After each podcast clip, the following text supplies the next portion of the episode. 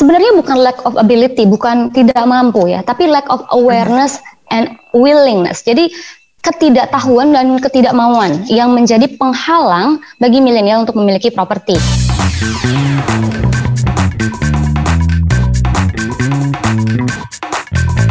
Welcome back, guys, to Dompet Millennial with Samira and Sammy. How are you guys doing? How are you? How are you doing, Sam? Doing good, doing good. How are you? Good. As you guys know, we're here to accompany you Senin sampai uh, Senin dan Kamis ngebahas everything about investment, savings, and everything to do with millennials and money. Um, so kita udah berapa bulan ya Sam di rumah? Wah, udah lama banget. Lama Feels banget. Like, Eight- I don't know. eight It's probably gonna come I know Yeah. I keep spending money. I keep spending money. Um. So you know what? One of the things that we've been seeing is um, lately banyak banget pertanyaan dari newlyweds, newlyweds yang kira-kira mungkin mereka tuh udah very very tired of living at home with their parents and they're thinking about like moving out atau getting their own apartment, getting their own place kan. Tapi kayak mereka tuh berasa bersusah banget karena maybe their um, lifestyle needs gitu masa pandemi tambah gitu so pengeluarannya tambah and they're not really ready to move but they want a new place so they're kind of Yeah. like kejepit kan so we thought that it would be the best to kind of interview and have someone that really knows about property and getting started in this landscape yes Sam Right, yeah, for sure. Banyak banget. I mean, I think sejak kita mulai podcast ini, one of the main topics yang orang-orang pada minta kita bahas adalah kayak how to think about uh, invest untuk beli rumah pertama gitu. Yeah. Kayak it's such a big purchase and it's such a big part of apa kita punya life kan. Jadi kayak gimana kita bisa lebih prepared dan banyak banget kayak feedback. Eh, tolong dong bahas di di di podcast. We Yeah. wanna learn more. We're, I mean, we're learning more. Tapi ya, ya, so, so, so apa super excited today. Kita ada uh, special narasumber guest. yeah basically the best um, narasumber for this topic right Right, right, right. Kita ada uh, Dayu Dara, and just uh, and we're very excited to, to have her on. Just a little bit of uh, background for for untuk semua. Uh, siapa sih ini uh, our, our guest today? Uh, jadi uh, uh, Dayu Dara itu she uh, used to be a consultant at McKinsey. Uh, she used to be a senior vice president, the Gojek, head of commerce and lifestyle group, and then to, and then now currently uh, more on kind of the topic yang kita bahas hari ini. She's a CEO and co-founder of Pinhome, uh, yang benar-benar it's kind of merging kind of technology and, and real estate. And so, uh, hey Dara, how are you? I'm great. Hi, Sammy, Samira. Thanks for having me. Great to be here. Yeah, of course. Thank, we're thank so you happy for to have you here Ya, ya, senang banget bisa bisa join. So, uh, how is the first of all, kayak gimana pandemi for you so far? Uh, Hopefully all good. Staying safe and productive at home. Kita udah tujuh bulan di Pinhome kerja dari rumah, and uh, surprisingly, I think this has becoming, uh, you know, a new normal uh, for us. And and and so far we we have been doing very well emotionally. I think well-being wise, uh, the team has been able to manage uh, supaya tetap semangat, tetap produktif gitu ya. Um, and then professionally also, I think uh, we have achieved uh, the targets that that we set for ourselves. Keren banget pokoknya. That's good. Okay, that's cool. that's good to hear. Untuk untuk yang dengerin dan untuk teman-teman lagi dengerin, uh, Pinhome, can you uh, give a little bit of background, uh, Dara, on on what it is, how it's helping people? Oke, so uh, apa itu Pinhome? Secara sederhana, Pinhome itu adalah platform e-commerce untuk jual beli dan sewa properti. Jadi seperti halnya kita punya e-commerce platform untuk fast moving consumer goods ya, yang warnanya hijau, ada yang warnanya orange, ada yang warnanya merah. Of course we, we know all those brands.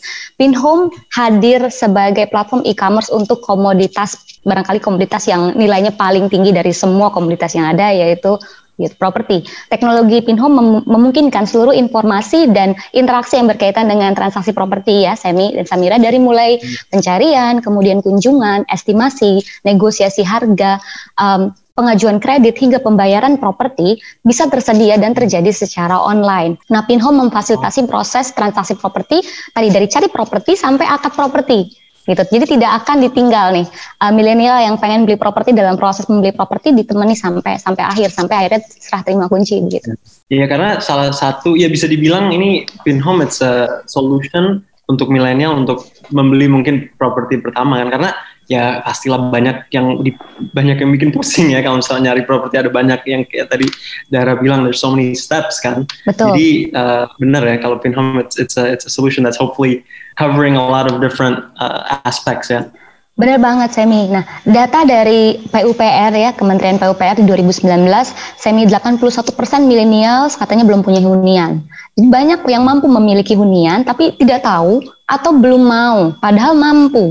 Nah, uh, sebenarnya penghasilan mulai dari 5 juta pun sudah bisa loh punya properti. Kami dari 5 juta ya? 5 juta pun bisa loh punya properti. Nah, misi wow. kami di Pinhome ini adalah membuat properti lebih mudah diakses demi kehidupan dan penghidupan yang lebih baik. Kenapa sih kehidupan dan penghidupan lebih baik kalau membeli properti? Kalau kita punya properti, uh, kita tinggal di rumah gitu yang uh, rumahnya sehat gitu ya, uh, bangun pagi juga uh, bangun pagi sampai tidur lagi kita uh, hidup di uh, lingkungan atau ekosistem gitu yang sehat, udaranya bersih gitu, lingkungannya bersih, lalu aman, our well-being itu pasti akan um, terjaga dengan baik begitu ya kita akan punya lifestyle yang sangat baik gitu. Tapi menurut Dara, kenapa sih anak zaman sekarang tuh susah banget ngelihat proper, properti sebagai investment? Kayak apakah mereka like they don't have enough information atau pengetahuannya masih minim? Itu kayak uh, misalnya di apa ya seumur Sami itu dari 22 sampai 25 belum berani gitu uh, melihat properti sebagai like something that is achievable. Uh, betul banget Samira. Um, jadi Kenapa sih zaman zaman sekarang ini anak muda milenial itu sulit untuk beli properti ya? Sebenarnya bukan lack of ability, bukan tidak mampu ya, tapi lack of awareness and willingness. Jadi ketidaktahuan dan ketidakmauan yang menjadi penghalang bagi milenial untuk memiliki properti. Ketika ditanya fokus milenial ketika mulai mendapatkan penghasilan sendiri nih, ini ada angka-angka atau statistik yang buat saya menarik sekali ya. Ketika hmm. mulai mendapatkan penghasilan sendiri, 88% milenial ingin mengalokasikan atau menggunakan uang yang mereka dapatkan ketika mereka dapat gaji ya pertama kali atau tahun yeah. pertama itu untuk gadget dan appliances, smartphone, hmm. laptop, gaming hmm. devices, smart TV, everything smart lah, you know, smart watch, smart yeah. this, smart that gitu kan, gadget and appliances. 47 persen, jadi hampir separuhnya ingin traveling ya Samira. Mm -hmm. 35% dari 47% itu ingin traveling setiap 3 atau 6 bulan. Jadi tidak lagi yeah, hanya yeah, oke okay, setahun sekali akhir tahun aja tapi setiap ada liburan oke okay, where do we go? Keluar kota, keluar um, uh, keluar provinsi, keluar negeri gitu ya. Kemudian 35% ingin membeli kendaraan. Uh, motor atau mobil. Nah, dengan disposable income yang terbatas, katakanlah S1 lulusan uh, perguruan tinggi di Indonesia ya uh, starting salary-nya bisa di 5 juta ya uh, bisa sampai double digit gitu uh, tapi rata-rata 5 sampai 8 juta lah uh, disposable income-nya dengan disposable income yang terbatas dan willingness spending-nya semuanya ketiga tadi ya yaitu gadget appliances kemudian traveling dan kendaraan akhirnya dana yang sebenarnya bisa untuk beli aset produktif terapresiasi seperti properti ini akhirnya dialokasikan untuk spending yang lebih konsumtif ya. Uh, kenapa saya hmm. bilang konsumtif? Karena tadi semua ya um, semua yang tadi uh, tiga kategori spending tadi itu sebenarnya um, barangkali nilainya itu tidak terapresiasi ya. Nilainya terdepresiasi kendaraan nilainya turun gadget appliances traveling of course there will be um, kita dapat experience dan lain sebagainya. Tapi tetap we cannot say that traveling is an is is an investment right? Um, yeah, nah right, karena right. itulah akhirnya uh, karena ketidaktahuan dan ketidakmauan akhirnya menjadi ketidakmampuan. Akhirnya tidak ada lagi hmm. uh, disposable income yang yang bisa disisihkan untuk misalkan uh, menabung down payment atau uh, cicilan pertama rumah begitu. Jadi ya uh, dari yang uh, Dara tadi bilang a lot of apa uh, disposable income dipakai untuk satisfaction yang lebih now atau near future ya. Yeah, short term basically, short term short term experiences. Actually, we just had an episode kita ngomongin tentang materi versus uh, experiences, and a lot of millennials, just as you mentioned, prefer to spend on experiences karena mungkin fulfillmentnya lebih gitu. Tapi kalau misalnya kita ngelihat um, the millennial generation now banyak banget yang punya usaha sendiri atau freelancer hmm. atau punya side hustle gitu. Kan mereka tuh nggak punya uh, slip gaji mungkin kan buat uh, kayak menjadi jaminan buat KPR. So how how how to get over that challenge gitu? Soalnya I experience it too when I wanted to buy my first house. Waktu aku pengen um, beli rumah pertama itu kan I'm I'm an entrepreneur, my husband is an entrepreneur Betul. dan salary kita very minimal buat um, dapat jaminan buat KPR itu. So it took us a long time. Hmm. Nah, da- dengan kayak waktu dan perseverance pa- pasti there will be a bank that will support us. Tapi emang butuh waktu banget gitu, you know. And sometimes you have to find the home first, terus baru dapat KPR-nya kan. So maybe you can, um, yeah. So how do we get over that challenge sebenarnya Ya, buat ya. uh, teman-teman ini yang mungkin entrepreneurs atau punya side hustle gitu? Ya Samira benar banget sih. Samira bilang tadi bahwa um, anak-anak sekarang ini banyak yang punya usaha rumahan sendiri dan mereka tidak punya slip gaji untuk jaminan ketika mereka mengajukan KPR. Uh, that's Mhm. that's on point ya. Uh, ada 30 lebih persen ya, 38 persen milenial yang ketika lulus itu tidak langsung bekerja Samira. Ketika lulus perguruan Iya. tinggi S1 tidak langsung bekerja. Alasannya ada yang involuntary memang belum mendapatkan pekerjaan atau yang voluntary ada yang memang mereka either ingin melanjutkan usaha orang tua, ingin lanjut sekolah S2 atau ada yang punya project bisnis uh, Mhm. side project sendiri. Nah, Ya. ini bisa menjadi hurdle terutama untuk KPR karena bank mengharuskan jika kita adalah seorang wirausaha tidak dengan penghasilan tetap untuk at least ada cash flow konsisten selama 2 sampai 3 tahun sebelum bisa mengajukan KPR gitu. Nah, itu mungkin kenapa Mhm. alasan Samira juga di awal karir Samira juga tidak bisa langsung uh, beli rumah atau punya cicilan uh, KPR rumah begitu ya. Tapi itu bukan hambatan untuk tidak bisa memiliki properti. Aku bisa kasih salah satu contoh nih. Ini contoh kasus. Aku bisa kasih dari contoh pribadi aku atau apa yang aku tahu. Misalkan banyak teman-temanku yang uh, di awal karir mereka juga akhirnya mereka melakukan ini yang mereka memang uh, sudah mau sudah memiliki kemauan uh, untuk punya properti ya. Jadi ada ada dua cara kayak untuk untuk bisa get past the hurdle, akhirnya punya, bisa punya properti pertama kamu meskipun tadi ada requirement, apalagi ketika kamu wirausaha untuk 2-3 tahun dulu jadi wirausaha punya cash flow uh, atau inflow of uh, uh, income yang konsisten. Kamu Mhm. bisa beli properti primer, properti primer yang masih dalam konstruksi ya properti-properti primer. Oke. Nah, mungkin aku jelasin dulu properti primer itu apa sih? Ada properti primer, ada properti sekunder. Properti primer adalah properti yang dijual oleh developer, ya langsung dari developer Oke. yang membangun pertama kali itu pengembang. Properti sekunder adalah properti yang dimiliki oleh individu seperti aku, seperti Samira, Semi yang kalau misalkan punya properti, maka properti itu dimiliki individu, properti itu adalah properti sekunder. Untuk properti primer yang masih dalam uh, pembangunan atau uh, masih masih bentuknya masih proyek, biasanya butuh waktu 2 sampai 3 tahun atau bahkan sampai 4 tahun untuk pembangunan. Apartemen biasanya butuh sampai 4 tahun untuk pembangunan. Nah, menariknya properti-properti primer yang masih dalam proses konstruksi ini biasanya punya payment terms atau mode pembayaran atau mekanisme pembayaran yang bisa cicil DP. Cicil DP-nya juga nggak cuma bulanan, Samira bisa cicil DP sampai 24 bulan, 36 bulan. Artinya bisa cicil DP sampai 2 sampai 3 tahun. Nah, barulah ketika DP-nya sudah lunas setelah 2 sampai 3 tahun kita mengajukan KPR. Itu artinya kalau misalkan sekarang nih ya kita wirausaha atau sekarang kamu baru fresh grade banget belum eh, maksudnya belum punya eh, kredit skor yang bagus ya. Kalau di bank itu ada eh, konsep namanya call atau collectibility. Belum kelihatan Iya. collectibility kita kayak gimana karena kita belum pernah Iya. punya cicilan dan belum pernah kelihatan pola pembayaran cicilannya on time atau enggak. Artinya bank juga belum mau nih memberikan kita fasilitas kredit. Nah, oleh karenanya di 2-3 tahun pertama jangan cari properti yang harus bayar DP langsung dan langsung KPR atau apalagi hard cash mungkin nggak ada uangnya. Cari properti-properti Dan ada ya, primer. jadinya kalau premier itu kayak gitu ya, Dara. Mm-mm. Kalau properti primer yang masih dalam konstruksi, kamu cari-cari aja apartemen atau rumah itu banyak banget yang pembayaran eh, DP-nya itu bisa dicicil 2 sampai 3 tahun. Nah, barulah di tahun Oh, kedua wow. atau ketiga kamu ajukan KPR. Nah, ini cocok dengan Oke. kualifikasi atau re- re- requirement dari bank kan bank pengen kamu nunjukin dulu kamu cicil tiap bulan nih. Eh, dan Mhm. ada loh eh, kre- eh, histori cicilan yang baik atau histori pembayaran yang baik. Nah, 2-3 Iya. tahun itu kamu sebenarnya membangun kredit scoring kamu. Pertama kamu punya penghasilan tetap ya.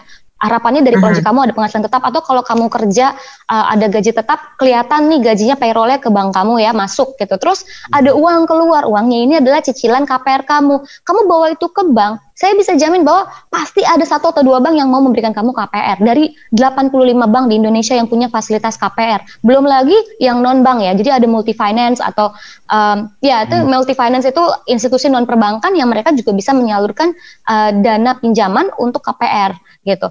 Um, salah satunya gitu. Ya. Yeah.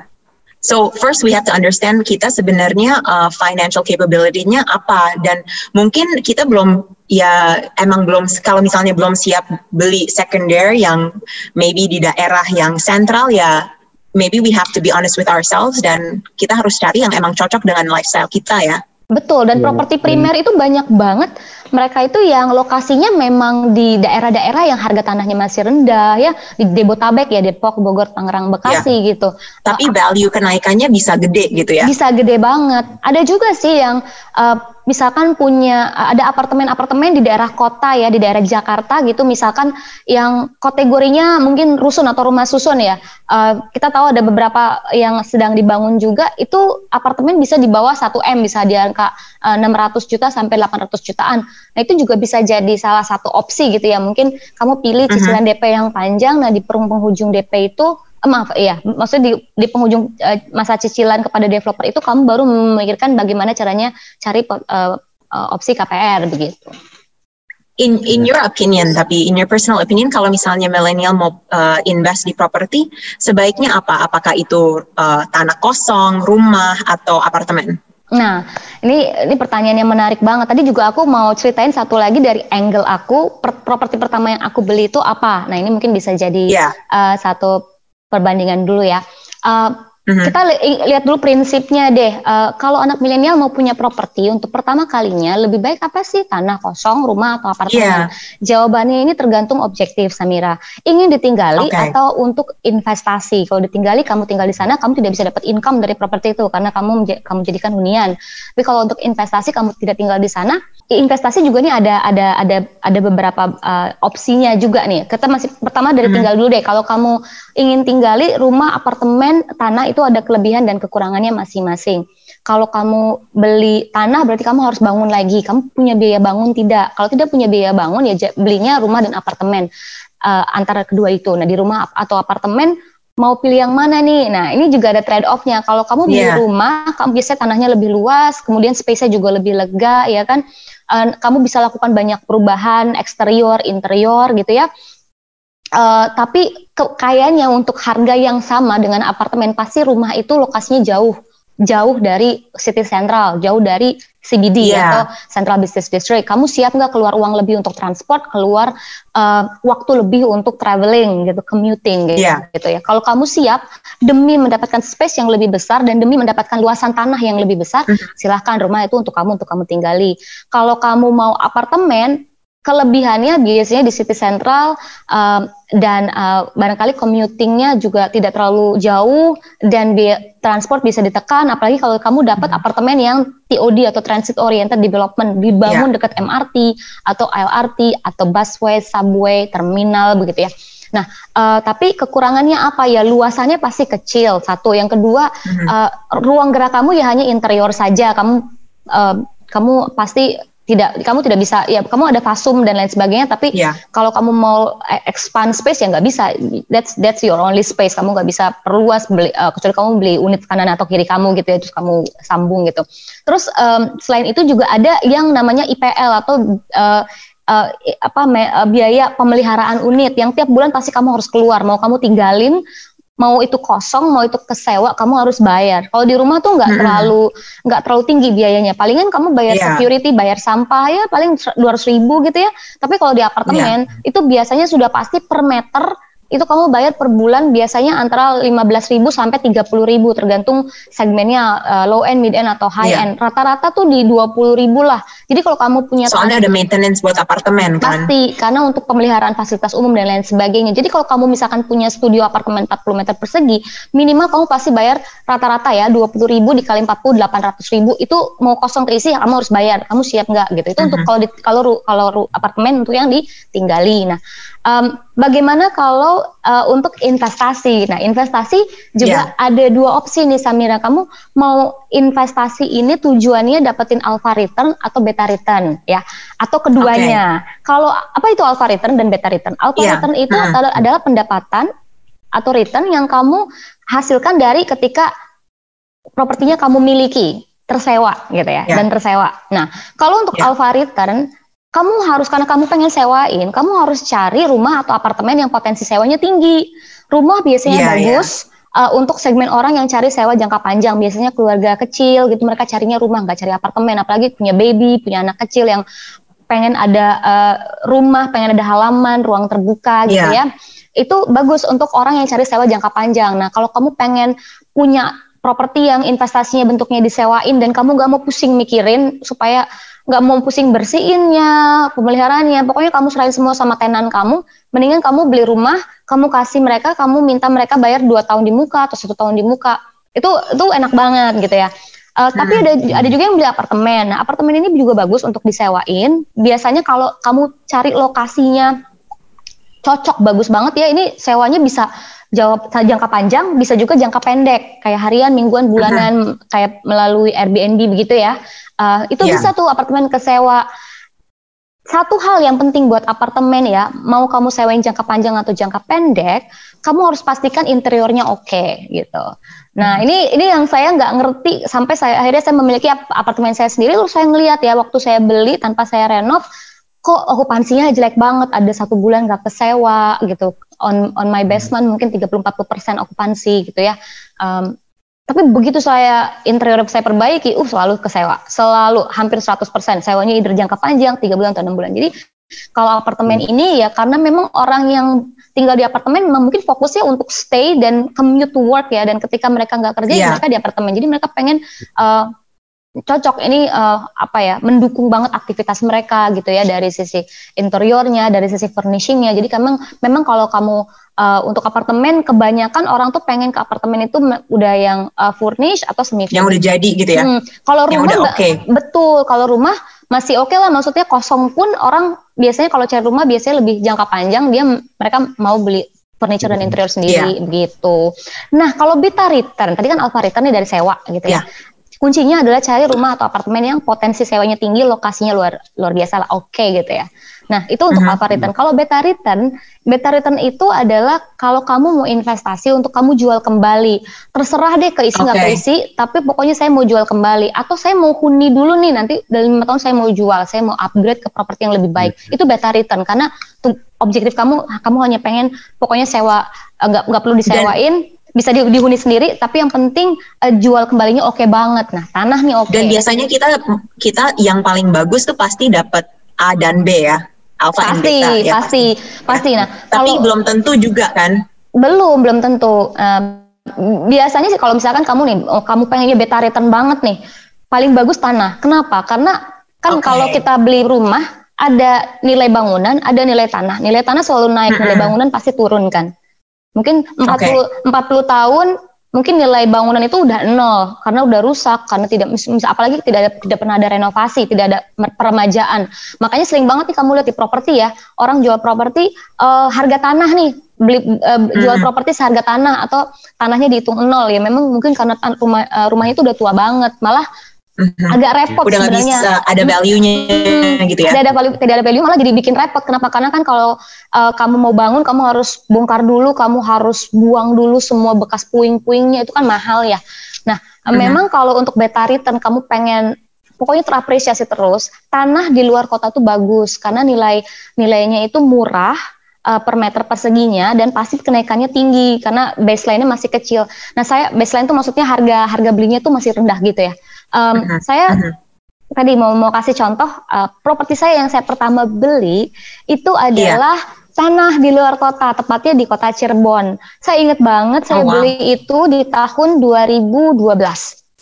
Ketika saya pertama okay. tahun pertama saya punya penghasilan saya tabung tiap bulan uh, disposable income saya itu 30% saya tabungin saya mikir pokoknya kalau nggak uh, buat nantinya DP properti atau beli properti hard cash akhirnya terkumpul lah uang Oke. itu. Jadinya bentar intermezzo dulu mau nanya. Hmm, kan hmm. itu 2012 you were still very young kan. Maybe Hmm. your first job gitu. Hmm, hmm, Itu hmm. um, what what made you kayak apa motivasi di belakang disiplinnya buat nabung? Nah, Like what, eh, dari orang tua yang udah terbiasa, oke pro- properti properti properti gitu. Soalnya ada juga yang kayak Mhm. uh, nggak nggak ngelihat properti, lihatnya stock stock stocks, you know. So for you mungkin it's ingrained. Pokoknya aku mau savings buat properti gitu. ya betul. Dan Uh, kalau bisa sharing juga kayak practicesnya juga mungkin like ha- pas dulu first starting, uh, how did you do it gitu juga. How did you save? mm. Yeah. Yes, yes, absolutely. Thank you, uh, Semi and Samira. Nah, um, properti itu passion saya. And people say you can build your passion from pain or pleasure, right? For me, Mhm. it was my it, it's my passion because um, I I went through this pleasure of having my own space dari dari ketika umur saya 16 tahun.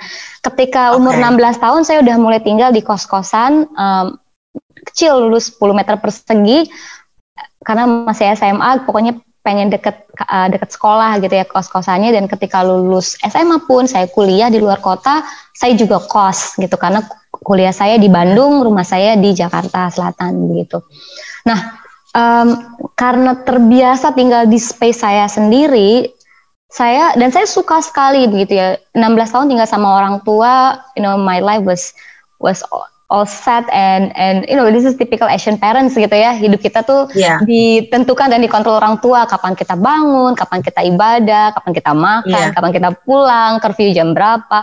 Tiba-tiba di umur 16 tahun saya kos dan akhirnya saya bisa benar-benar independen mengatur hidup saya sendiri. Saya bangun jam berapa, saya tidur jam berapa, saya makan jam berapa dan I just love the the the freedom and um, the independence gitu that I gain as I was having my own space.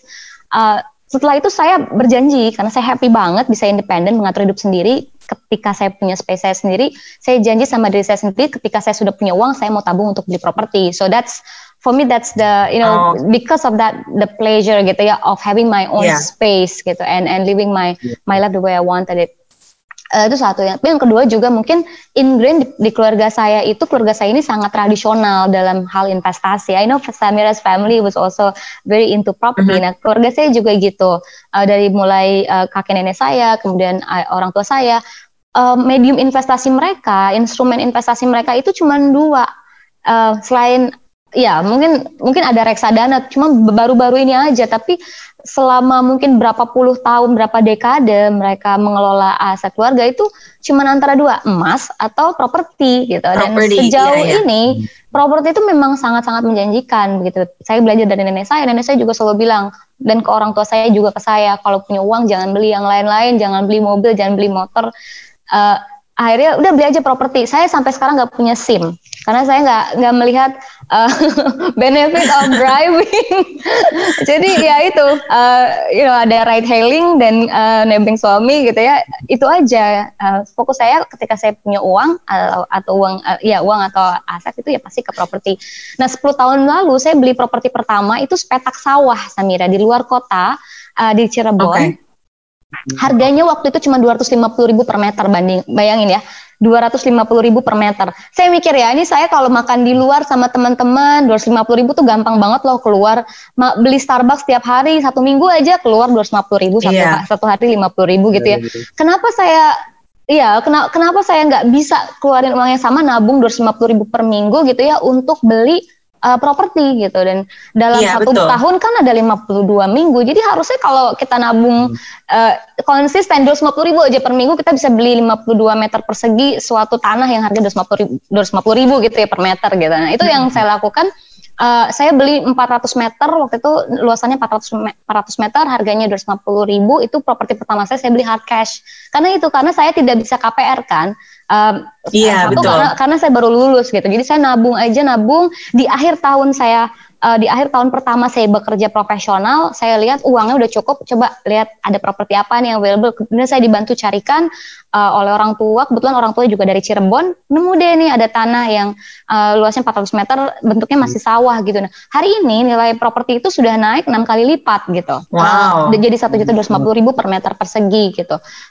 Satu juta lima ratus ribu per meter persegi. Jadi saya merasa bahwa wow itu saya nggak ngapa-ngapain ya. Saya nggak nggak keluar tenaga apa pun selain pada saat saya cari dan uh, akad gitu ya udah udah nggak keluar tenaga apa pun itu naik sendiri gitu nilainya.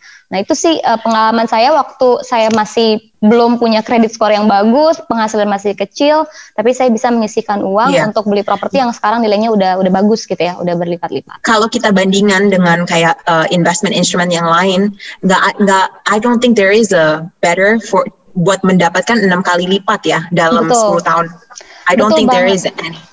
Betul, tapi memang yeah. itu hit and miss ya. Nah, itu permasalahan dengan properti adalah hit and miss di mana kalau kita tidak memiliki informasi yang tepat, tidak tahu properti yang tepat untuk dibeli, uh, bisa jadi itu tidak menjadi keputusan yang bijak gitu ya. Hanya 18% persen nah, informasi dari, apa tuh? Betul. Kalau kita mau beli properti tanah, informasi-informasi apa yang kita harus mempelajari dulu? That's a good question ya. Hanya 18% calon pembeli properti punya seluruh pengetahuan yang cukup sebelum memutuskan untuk memilih dan membeli properti. Padahal nilai pembelian properti itu tidak hanya ratusan juta nilainya bisa sampai miliaran juta rupiah mm -hmm. dan komitmen pembayarannya itu nggak cuma satu dua tahun Samira bisa sampai 20 30 tahun kan kalau kita KPR ya. Uh, jadi mm -hmm. penting sekali ketika membeli properti itu kita tahu informasinya apa saja sih yang harus diketahui gitu ya informasinya gitu ya. Uh, dari mulai tahap ketika kita mencari properti ya, kita harus tahu um, kita ini objektif beli propertinya apa, ya kan? Oleh karenanya tipe okay. properti apa yang paling cocok, lokasinya di mana, kemudian budget dan spesifikasinya seperti apa. Kita tidak mau beli properti lalu menyesal setelah 2-3 tahun karena tidak sesuai dengan gaya hidup, tidak sesuai dengan kebutuhan uh, kebutuhan atau requirement space kita gitu ya tidak tidak sesuai atau cocok dengan misalkan uh, nantinya di mana kita bekerja gitu ya jadi itu memang harus yeah. dipikirkan masak-masak uh, ada beberapa implikasi ketika kita membeli properti gitu ya terus uh, kira-kira budget budgetnya tuh yang cocok itu di untuk uh -huh. saya daya beli atau kemampuan bayar cicilan itu saya itu di berapa gitu ya Iya, nah, berarti ada dua ya, ada yang internal, ada yang eksternal. Kalau yang internal itu kemampuan kita dan objektifnya apa. Soalnya Betul. kalau misalnya kita mau beli, objektif ada banyak juga kan. Betul. That's one thing that you have to mempelajari di, dulu tuh. Mm. Terus yang kedua yang eksternal ya uh, how like the cost of it, the location and um, jangka waktu buat KPR dan lain-lain kan Betul. itu eksternal. Nah, itu di bagian pencarian properti saja. Kemudian ada tahapan berikutnya kan ketika sudah mencari propertinya online atau offline ya kan online bisa melalui portal listing, bisa melalui Pinhome gitu ya. Kemudian setelah lihat propertinya, ada lagi informasi yang dibutuhkan kan ada tahapan berikutnya nih kita harus berinteraksi dengan properti agen dan properti ownernya juga gitu ya. Nah ketika berinteraksi ini kita hmm. harus tahu um, properti agentnya ini apakah properti agent yang tepat yang bisa membantu saya untuk tahap untuk tahapan saya berikutnya gitu. Kalau tidak uh, mendingan mundur dan cari properti agent yang lain yang bisa membantu kita menjawab semua pertanyaan berkaitan dengan properti. Nah, itu di situlah di mana Pinhome masuk. Pinhome sebagai platform ini memiliki um, jaringan agen yang profesional dan uh, knowledgeable ya, yang yang sudah terverifikasi. Jadi memang mereka memiliki kemampuan untuk uh, memfasilitasi properti sampai akad gitu. Bukan cuma kebetulan dia tahu ownernya, tapi dia nggak ngerti nih uh, detail transaksinya nanti harus seperti apa uh, dia ikut-ikutan hmm. aja gitu ya. Kita kita nggak seperti itu. Hmm. Nah, harus tahu apakah ini agen yang tepat ya untuk membantu saya sampai akad gitu. Karena proses akad tuh tidak hanya satu dua minggu, bisa sampai dua bulan gitu ya. Tergantung nanti kita apakah ada proses KPR gitu ya, uh, negosiasi harganya seperti apa gitu. Nah setelah hmm. setelah mencari uh, mitra yang tepat gitu, agen atau platform yang tepat untuk mem memfasilitasi transaksi, ya memang di Indonesia baru ada Pinhome saja untuk bisa memfasilitasi transaksi sampai pembayarannya pun online gitu ya. Nah, yang ketiga setelah itu uh, ada tahapan berikutnya itu negosiasi harga. Nah, ini negosiasi harga ini tough banget. Ya. Kalau kita tidak punya benchmark yang baik dan tidak uh, difasilitasi oleh orang yang tepat, nih uh, negosiasi harga ini bisa ma semau-maunya buyer dan owner. Jadi buyer nanti uh, mungkin owner asking price-nya juga unreasonable kemudian bayarnya juga uh, sadis Afgan gitu ya. Pas nego, akhirnya malah nggak ketemu, akhirnya tidak jadi transaksi karena owner yang nggak suka, nggak terima, kitanya misalkan nggak nggak nggak cocok atau nggak mau gitu. Nah di bagian negosiasi ini kita harus punya benchmark ya. Uh, satu hal nih misalkan gimana sih cara kita tahu properti ini harganya harusnya berapa? Kita harus tahu di radius 2 sampai 3 kilo dari dari uh, dari lokasi properti kita itu ya, berapakah properti yang baru saja atau recently sold terjual di kisaran harga berapa untuk spesifikasi dan segmen dan tipe yang sama. Ya kan itu banyak yang harus kita lihat kan. Kita nih beli tanah, rumah atau apartemen. Kalau apartemen segmen apartemennya seperti apa? Lalu dia furnished atau unfurnished. Lalu misalkan dan lain sebagainya itu banyak sekali. Kalau rumah lebih repot lagi nih Samira, karena tiap rumah itu kan beda banget ya. Tidak ada rumah yang sama. Semua rumah tuh unik. Masing-masing itu unik dari sisi lokasinya unik, hmm. ya kan? Koordinatnya longitudinalnya unik. Kemudian uh, keamanannya, exposure banjir atau tidaknya, dua jalan, jalan dua mobil atau tiga mobil atau satu satu mobil gitu banyak ya. Banget, banyak banget. Nah, berapa sih harusnya harga yang cocok? Kemudian dua tahapan terakhir setelah udah nih udah udah ketemu nih harga yang cocok gitu ya. Um, di tahapan yang keempat itu mencari KPR atau pembiayaan ya. Pembiayaan ya, ini juga ini juga pembiayaan juga ini wow it's it's it's overwhelming. 85 bank punya fasilitas KPR. Kita mau yang ke, mau ke, ke mana nih bank yang mana nih? Begitu udah tahu banknya yang mana, kita maunya uh, skema apa nih fix fix periodnya berapa tahun, floating periodnya berapa tahun. Terus kita ngambil mana? Saya tuh dulu melakukan banyak sekali kesalahan di bagian KPR Samira. Contohnya uh, waktu ditawari uh, satu atau dua bank, saya langsung iakan. Saya nggak cek ke bank ketiga, keempat gitu ya. Uh, oh ini ada KPR bu, ayo bu uh, apply sekarang uh, biar dapat interest bagus. Tapi pas saya bandingin, loh ini interestnya sama aja tuh sama bank-bank lain, tapi akhirnya udah udah terlanjur proses di sana. Uh, kemudian ada biaya-biaya seperti provision fee, insurance, uh, kemudian uh, fire insurance, life insurance. Itu saya nggak ketahui ketika saya mau uh, akad baru ketahuan di hari H. Oh my God, ada additional cost gitu untuk semua hal ini. Hmm. Dua hari sebelum akad baru dikabarin gitu kan setelah uh, surat kreditnya turun. Nah hal seperti itu jangan sampai jadi surprises gitu. That's what Pinhome is doing karena saya merasakan pain pointnya ketika saya membeli properti saya yang pertama, kedua, ketiga, keempat, kelima sampai kelima pun masih ada banyak kesalahan yang saya lakukan. Saya kesel sama diri saya sendiri. Ini harusnya ada solusi nih buat orang yang beli rumah sama masa sampai lima kali beli properti masih masih aja ba melakukan banyak kesalahan gitu. Sampai pas yeah. akhirnya iya. akad ya akad juga itu nanti setelah akad masih banyak hal yang harus diurus. Misalkan make sure bahwa uh, semua dokumennya itu kita kita dapatkan dengan baik dari bank atau dari owner. Jangan sampai ada yang missing dan lain sebagainya gitu. Terus untuk kayak tadi kan KPR salah satu mungkin step yang bikin apa ya yang nambah stres ya ke orang apalagi yang baru mau mulai Uh, pembelian rumah. Uh, untuk orang yang yang lagi uh, going into the process apa sih dokumen-dokumen yang yang mereka harus siapin atau mungkin yang harus uh, mereka udah harus pikirkan uh, biar pas masukin aplikasi dan uh, nge-review ntar yang mudah-mudahan bakal dapat jadi jadi lebih uh, gitu. Iya, iya. Uh, saya punya KPR nggak cuma satu atau dua saya punya KPR lumayan um, jadi udah kenyang banget proses KPR uh, banyak kesalahan yang saya sampai sekarang ketawa-ketawa sendiri gitu ya. Aduh kenapa waktu itu saya nggak begini malah begitu gitu ya. Um, dan informasi-informasi terkait KPR dulu itu saya dapetinnya ya cuma dari WhatsApp atau tanya kanan kiri dan gak lengkap gitu ya. Tanya ke uh, barangkali agen atau representatif banknya pastinya mereka akan menceritakan yang yang enak-enaknya dulu baru yang nggak enaknya belakangan nih mau pas mau deket akad gitu kan.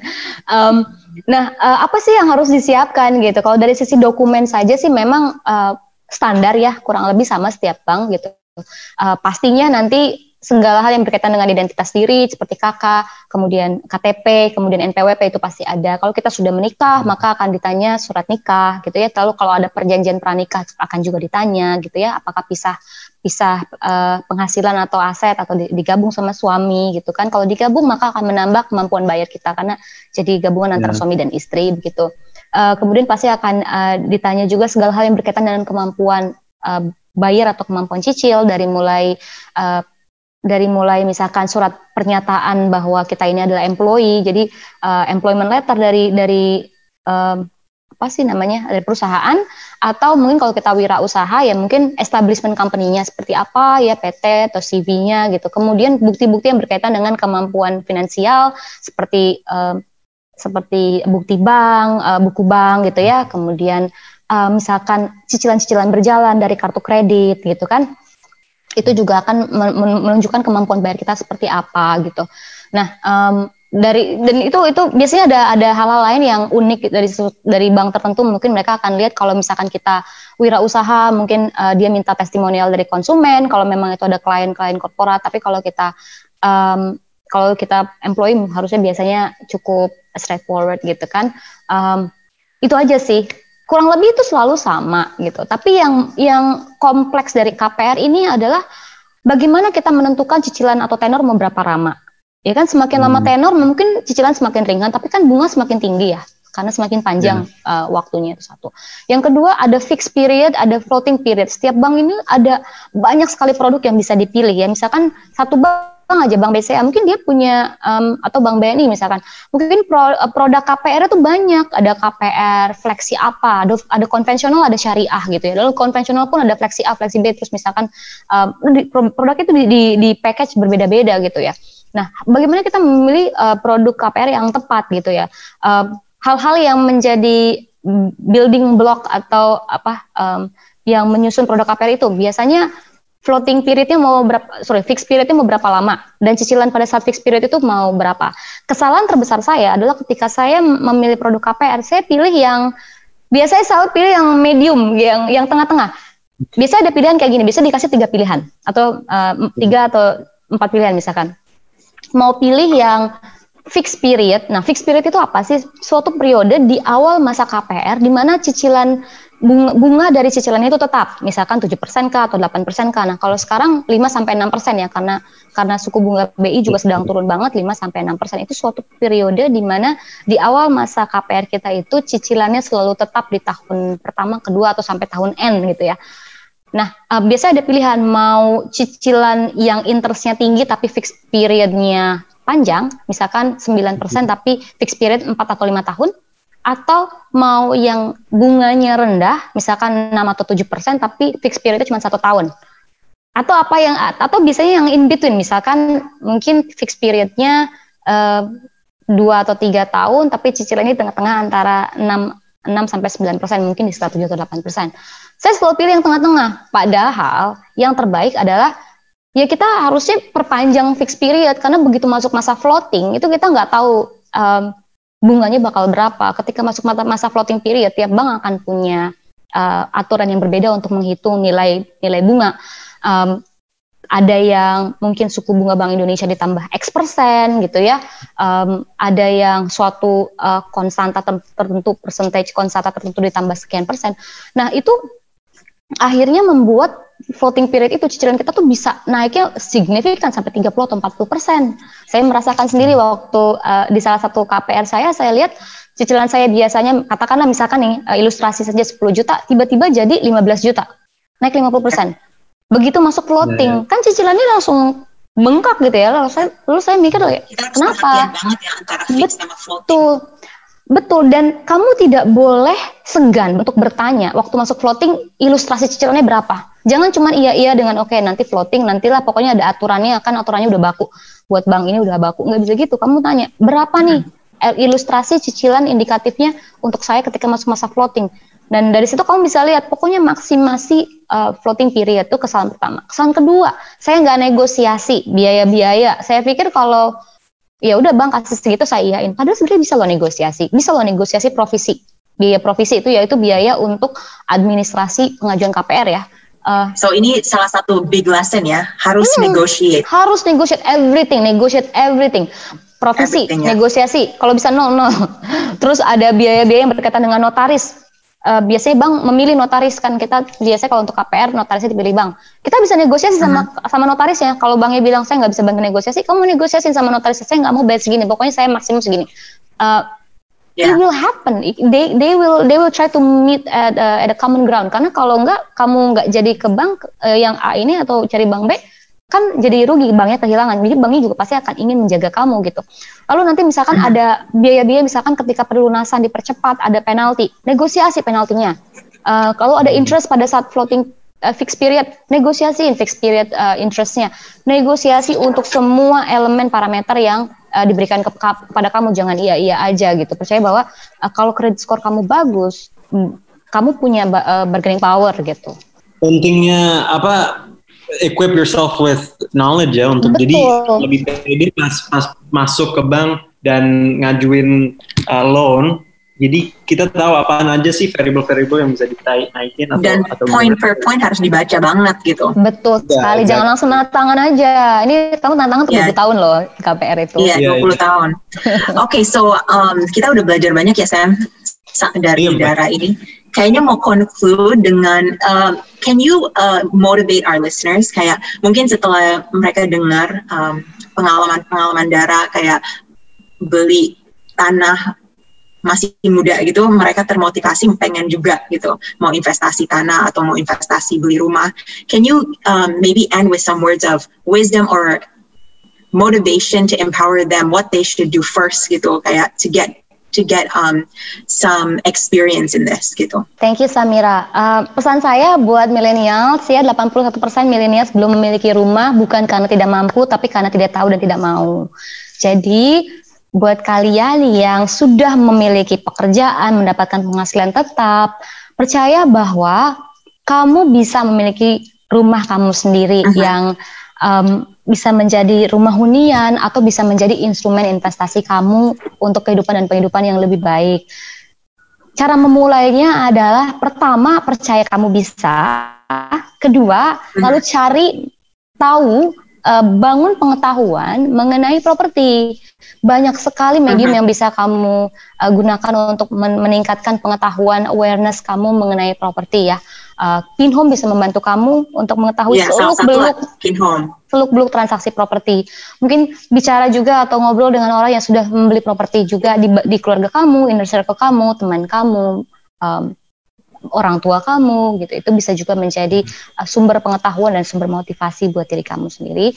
Uh, dan yang ketiga mulai bergerak gitu ya. Entah itu kamu sisihkan uang untuk uh, tabungan down payment atau membeli properti hard cash properti yang mungkin murah yang masih bisa terbeli hard cash atau langsung bergerak untuk mulai beli properti yang term pembayarannya bersahabat yang kamu bisa cicil DP Nah, sampai pada akhirnya mungkin 2-3 tahun DP-nya lunas dicicil, kamu bisa membeli properti itu entah dengan hard cash, uh, ya mudah-mudahan kamu ada rezeki, atau ya KPR paling tidak gitu. Nah, saya percaya semua milenial bisa memiliki properti kok ya, mulai dari yes, sekarang. Ya mudah-mudahan aku aja kayak yang kan aku masih yang belum punya rumah dan masih aspirasi untuk uh, my dream home gitu. Jadi uh, pasti banyak banget lah yang yang kita pelajari hari ini mudah-mudahan yang yang dengerin iya. juga yang tahu lah one thing is like kita nggak harus mulai dari dream home. Kita mulai kecil-kecil yang emang kita mampu aja dulu. Dan dengan pengalaman itu kita bisa naik kelas pelan-pelan. Tapi yang paling penting kita mulai dulu deh. Mulai dulu dengan uh, whatever we can whatever we can manage gitu. Daripada kita wasting money dengan things that depreciate we invest in things that can gain value for us in the future kan. Setuju banget Samira. No more, no more gadgets for you. harus, harus lebih pinter savingsnya. Um, yeah. Tapi thank you so much, uh, Dara, for, for yeah. coming on. We really appreciate it. Um, we learned and, a lot, and, and, I think one thing that could be um, helpful juga kayak uh, all of the tips and tricks kita benar-benar harus ingat that it's a part of our lifestyle and also knowing ourselves gitu. Memulai Setuju. dulu dengan objektif hidup gitu kan. Setuju. Yeah.